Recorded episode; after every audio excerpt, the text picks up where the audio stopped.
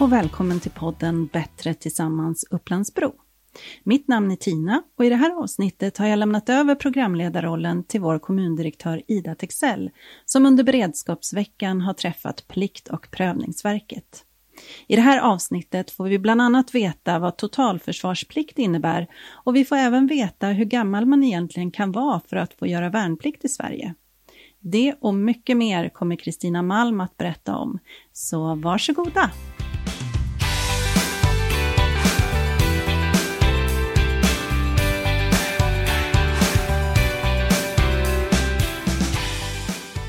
Jag heter Ida Texell och idag har vi den stora äran att få träffa Kristina Malm som är generaldirektör för Plikt och prövningsverket.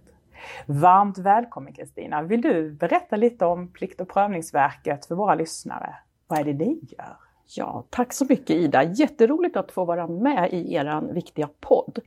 Ja, Plikt och prövningsverket är ju en expertmyndighet under Försvarsdepartementet och vårt absoluta huvuduppdrag det är ju att vi ska se till att bemanna Försvarsmaktens krigsorganisation med personal helt enkelt.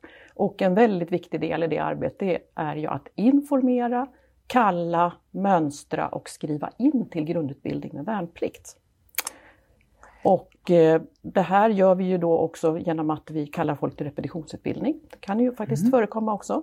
Eh, Tillsammans med Försvarsmakten så bemannar vi då krigsorganisationen, alla krigsförband som vi har i Sverige, med de olika personalkategorierna. För det finns ju både anställda officerare, anställda soldater och sjömän, reservofficerare, civilanställda, hemvärnspersonal, men också då alla som är värnpliktiga. Och det här håller vi ordning på kan man säga också, eh, på detaljnivå. Så att, det kan, så att om regeringen skulle vara tvungen att fatta beslut om höjd beredskap, att man omedelbart kan påbörja en mobilisering och skicka ut inkallelseordrar till rätt person så att den kan infinna sig på rätt plats. Mm.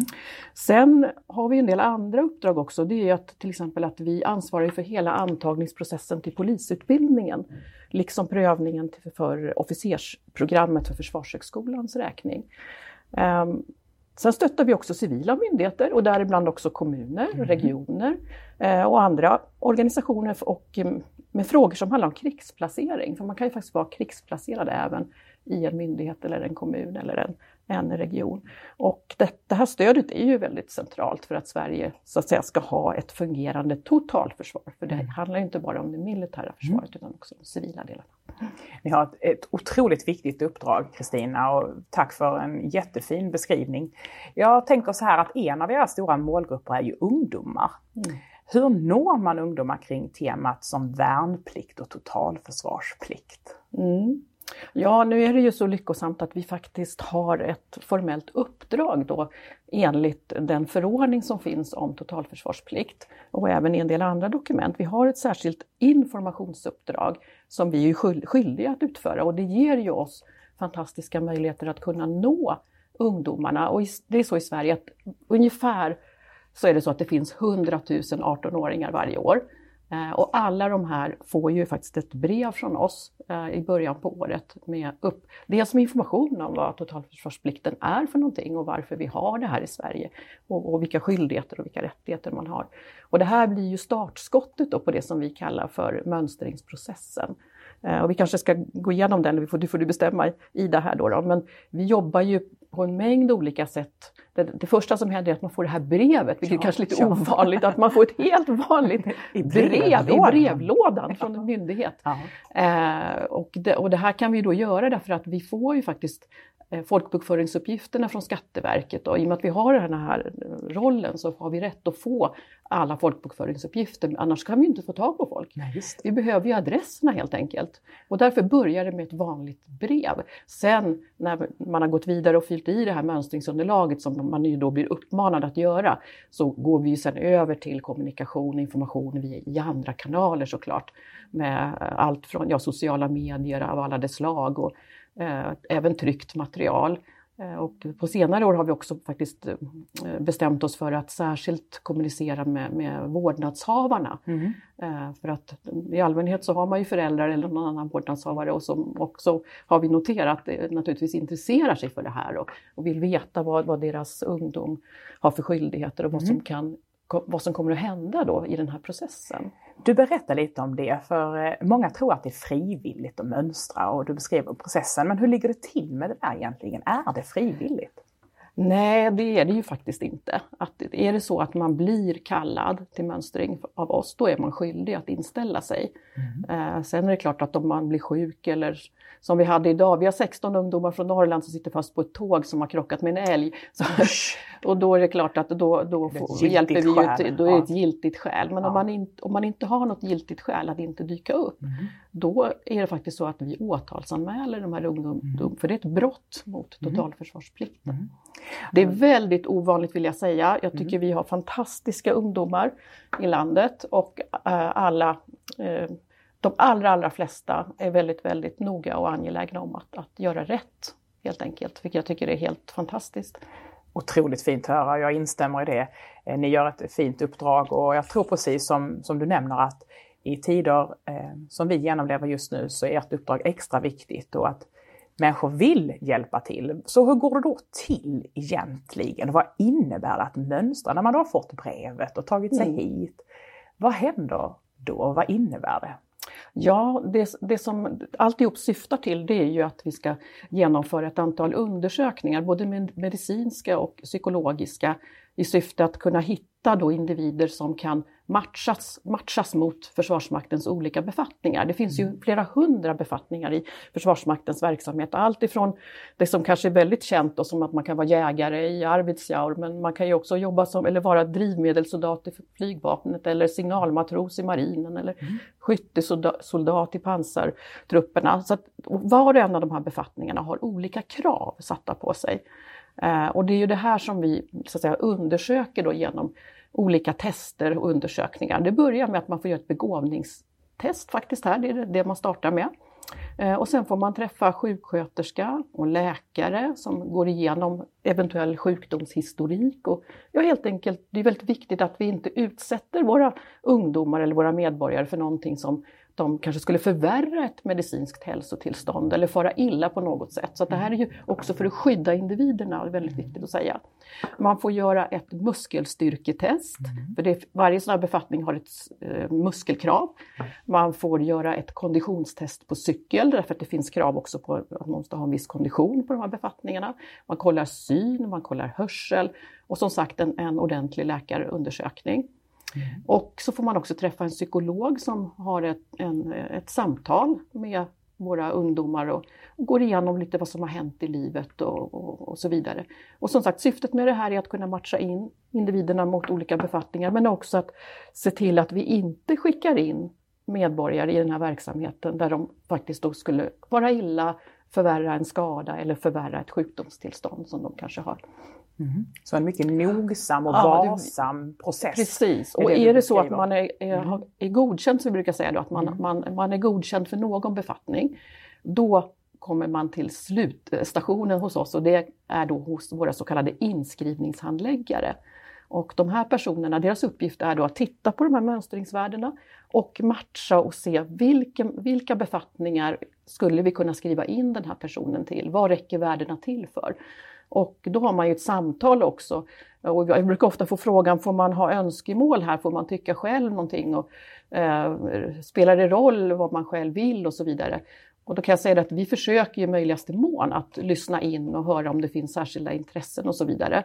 Eh, men i slutändan är det ju så att vår uppgift är att bemanna Försvarsmaktens krigsorganisation eh, och säkerställa att de utbildningsplatser som, som Försvarsmakten eh, har och som de har, då har meddelat oss att de här vill vi att ni ska fylla, att de faktiskt blir fyllda. Mycket bra. Hur många är det då som gör värnplikt varje år? Kristina? Ja, det här började ju på, får man väl ändå säga, en ganska låg nivå om vi kommer ihåg här att det är 100 000 18-åringar i varje årskull. Och de, de första två åren så var det 4 000 utbildningsplatser som skulle fyllas. Det är ju inte jättemånga kan man tycka då. då. Eh, sen har det ökat upp till 5000. De som precis nu här i dagarna har ryckt in, den årskullen, där handlar det om 6000 utbildningsplatser. Och eh, de är födda 2004 för övrigt. Mm. Och just nu så eh, mönstrar vi för fullt då årskullen 2005 som mm. går sista året i gymnasiet. Mm. De ska ju rycka in nästa sommar. Och då har vi i uppgift att fylla 7000 utbildningsplatser. Och året därpå så är det 8000. Och det är det som vi vet just nu som är beslutat då i det senaste försvarsbeslutet. De allra flesta gör sin värnplikt efter gymnasiet som du beskrev för en liten stund sedan Kristina. Men hur gammal kan man vara för att mönstra och göra sin värnplikt? Ja, men det var ju en rolig fråga att få faktiskt. Eh, och det finns ju såklart då det här regelverket som omgärdar hela verksamheten och det är ju lagen om totalförsvarsplikt och där är detta reglerat kan man säga. Och där står det ju då att man kan vara inskriven med värnplikt i maximalt 10 år sedan senaste tjänstgöringstillfälle. Och det kan ju vara en grundutbildning eller en repetitionsutbildning. Eller maximalt till 47 års ålder.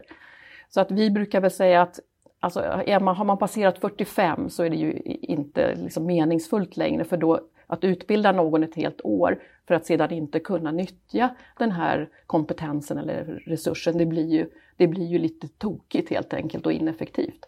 Men däremot så kan jag ju passa på att berätta att eh, vi har behållit en, eh, en företeelse från den så kallade frivilliga perioden när vi inte hade någon värnplikt i Sverige. Eh, nämligen att man kan ta ett eget initiativ. Man kanske är 22 eller 25 och känner att det här är någonting som jag skulle vilja göra och ge ett försök i alla fall. Och då kan man ta ett eget initiativ och göra en egen ansökan om att få pröva till grundutbildning med värnplikt. Eh, sen förvisso är det så att om man blir godkänd och hamnar hos inskrivningsanläggaren och faktiskt blir, ska bli placerad, då eh, är det så att man gör ändå utbildningen under plikt. Därför att alla ska vara där på samma premisser. Och det kommer man bli upplyst väldigt noga om av våra medarbetare att om du känner verkligen att du vill göra det här och, du, och det kan du få göra, då, får du, då ska du vara klar på att det blir med plikt och då kan du sen inte ångra dig. Så det är ju väldigt viktigt att eh, vara tydlig med här. Men det är väl bra att den här möjligheten finns. Eh, och vi har väl kanske cirka 3000 sådana ansökningar per år. Mm. Det är inte så vanligt med att någon 40 plus gör det här, men, men det har hänt. Så loppet är inte riktigt kört för mig som är 43, men Nej. nästan. Mm. Tack för den informationen. Det var väldigt intressant att få lyssna på. För det hänger lite grann ihop med framtiden och, och nästa frågeställningar här. Vad, vad, är ställningen i Sverige idag? Har vi tillräckligt många värnpliktiga?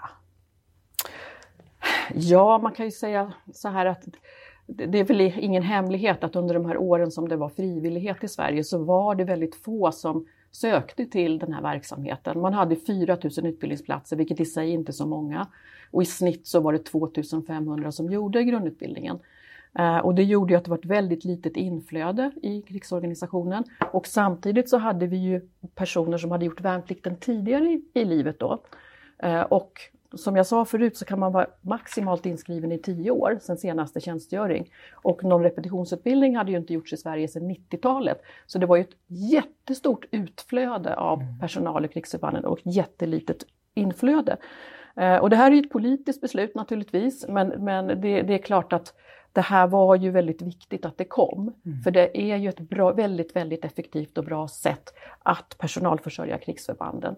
Nu finns det ju politiska beslut på att vi ska öka upp till 8000 ut i utbildning som jag sa. Mm. Eh, och så får vi se då vad som händer i nästa steg. Vi har ju nu en försvarsberedning som sitter och förbereder nästa försvarsbeslut som ska komma här om något år.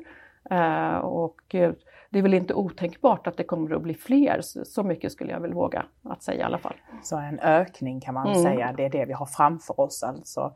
Eh, hur, hur, hur ser intresset då ut? Vad är er uppfattning kring intresset? Har det påverkats? Jag tänker på det ryska anfallskriget i Ukraina. Har ert uppdrag liksom fått en större genomslag bland unga? Vad, vad säger du mm. om den? I och med att vi har det här viktiga informationsuppdraget gentemot de totalförsvarspliktiga så jobbar vi också ganska mycket med undersökningar om mm. eh, ja, inställning och så vidare. Och dels så görs det alltid en undersökning innan vi skickar ut breven och mönstringsunderlagen för att undersöka också om känner man till överhuvudtaget vad det här är för någonting? Känner man till vad det innebär att mönstra? Och det, handlar, det är ju för att vi ska kunna lägga upp vår information på ett så bra sätt som möjligt. Och sen så gör vi en effektmätning efteråt och Eh, nu var det 24 februari 22 som det här hemska hände. Eh, och då gjordes ju en, en effektmätning efteråt eh, och då noterade vi att drygt 30 procent Eh, på, kunde då berätta att de hade blivit påverkade av det här. Och av dem så var det väl 60 procent ungefär som, som eh, uppgav då att man hade blivit mer intresserad av att genomföra grundutbildning med värnplikt. Nu har vi precis genomfört en effektmätning för den senaste årskullen. Och där ser vi också att där är det 36 procent tror jag det var som säger att ja, jag har blivit påverkad liksom, in, in, med min inställning av det som har hänt. Eh, men det, och det är 80 procent av dem sen som säger att de har blivit mer intresserade. Så att ja, mm.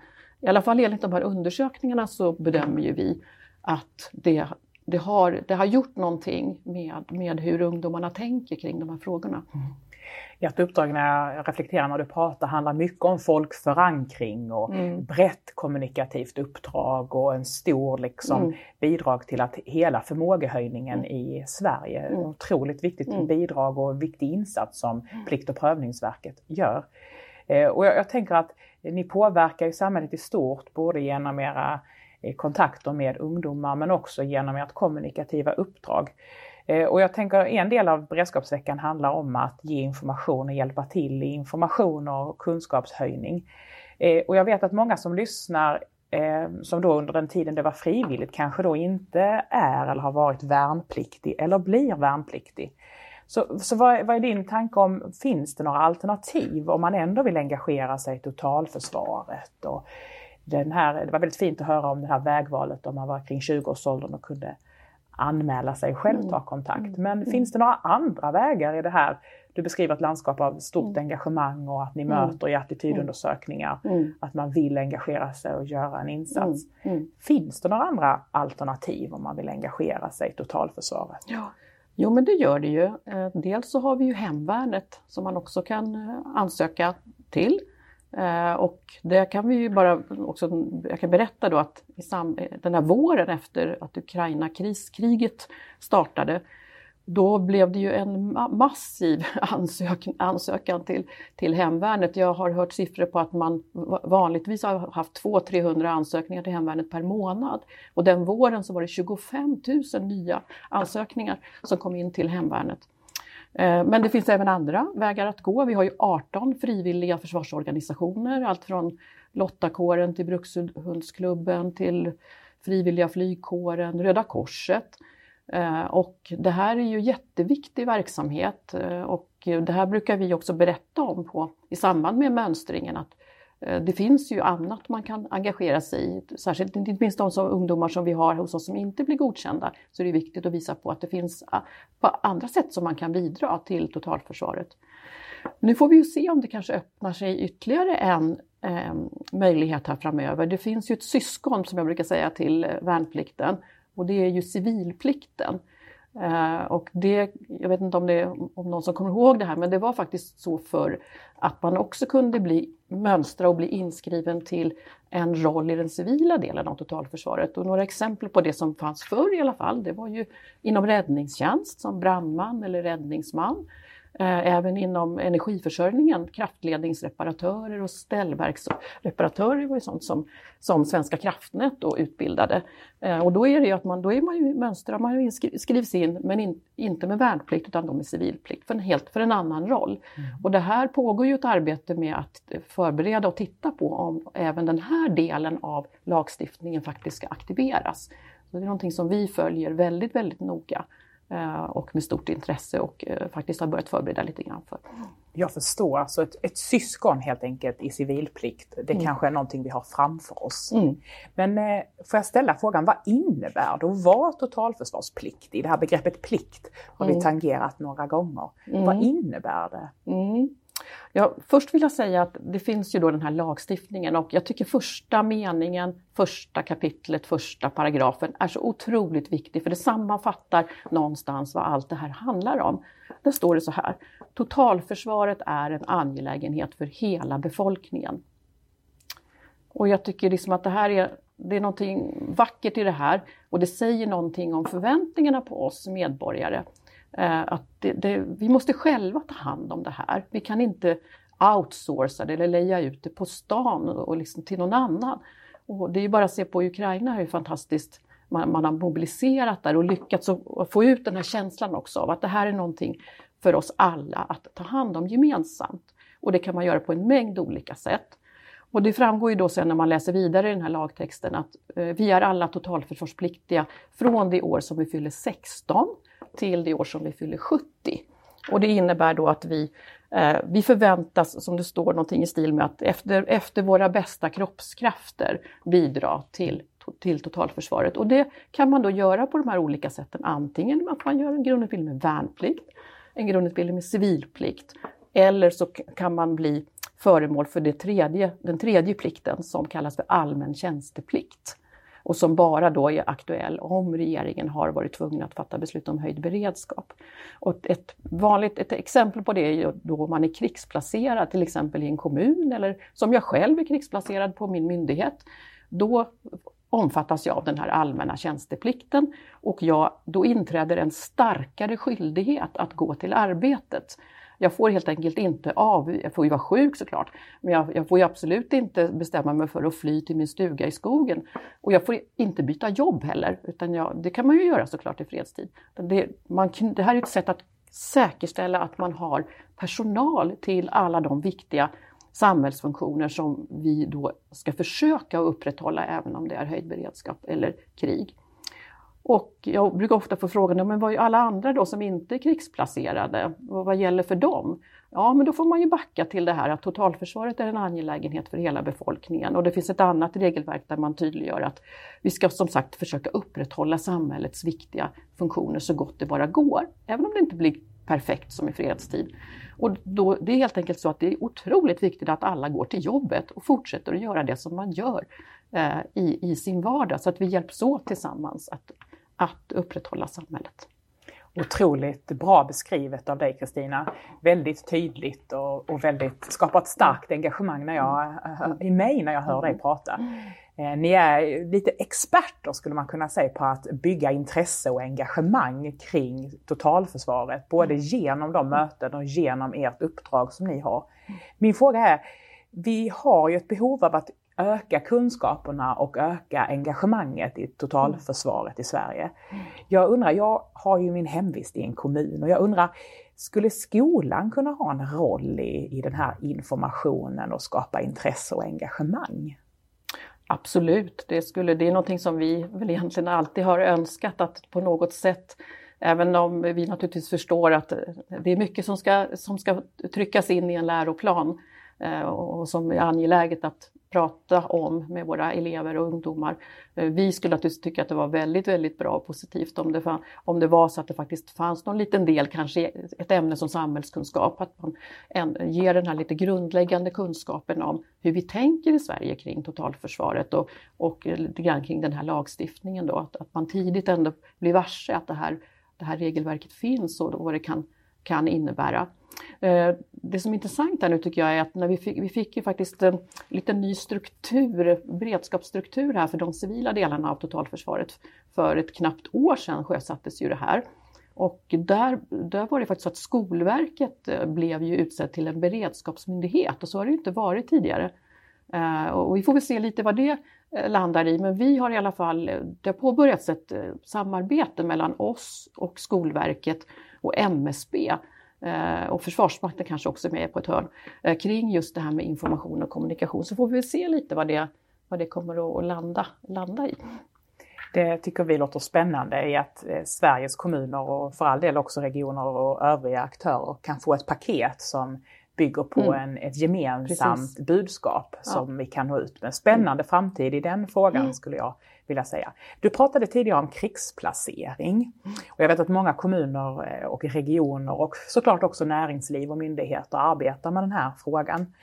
Eh, Plikt och prövningsverket ansvarar ju för bemanning av totalförsvaret eh, som, som vi har pratat om utifrån en aspekt. Men ni har också register över kommuner och regioners och myndigheters krigsplacerade personal. Mm. Vad innebär det uppdraget? Mm. För att ta mig an den frågan så behöver jag ändå ta avstamp faktiskt i Försvarsmaktens krigsorganisation. För att som jag nämnde tidigare så har ju vi en, vi har ju hela personalredovisningen av krigsförbanden med alla de här olika kategorierna som, som finns där. Eh, och det är ju så här att man kan vara, bara vara krigsplacerad på en plats så att säga. Annars så blir det ju oreda i systemet. Så att när vi då sen jobbar med våra civila eh, aktörer här, statliga myndigheter, länsstyrelser, kommuner, regioner, eh, Svenska kyrkan till och med och, och andra, eh, företag inte minst. Då går det till så då att då, då ska de ta kontakt med oss för att und- man har gjort sitt, Först måste man göra ett arbete med att tänka igenom sin egen beredskapsplanering naturligtvis. Och hur ska, hur ska vår verksamhet bedrivas ytterst under en krigssituation?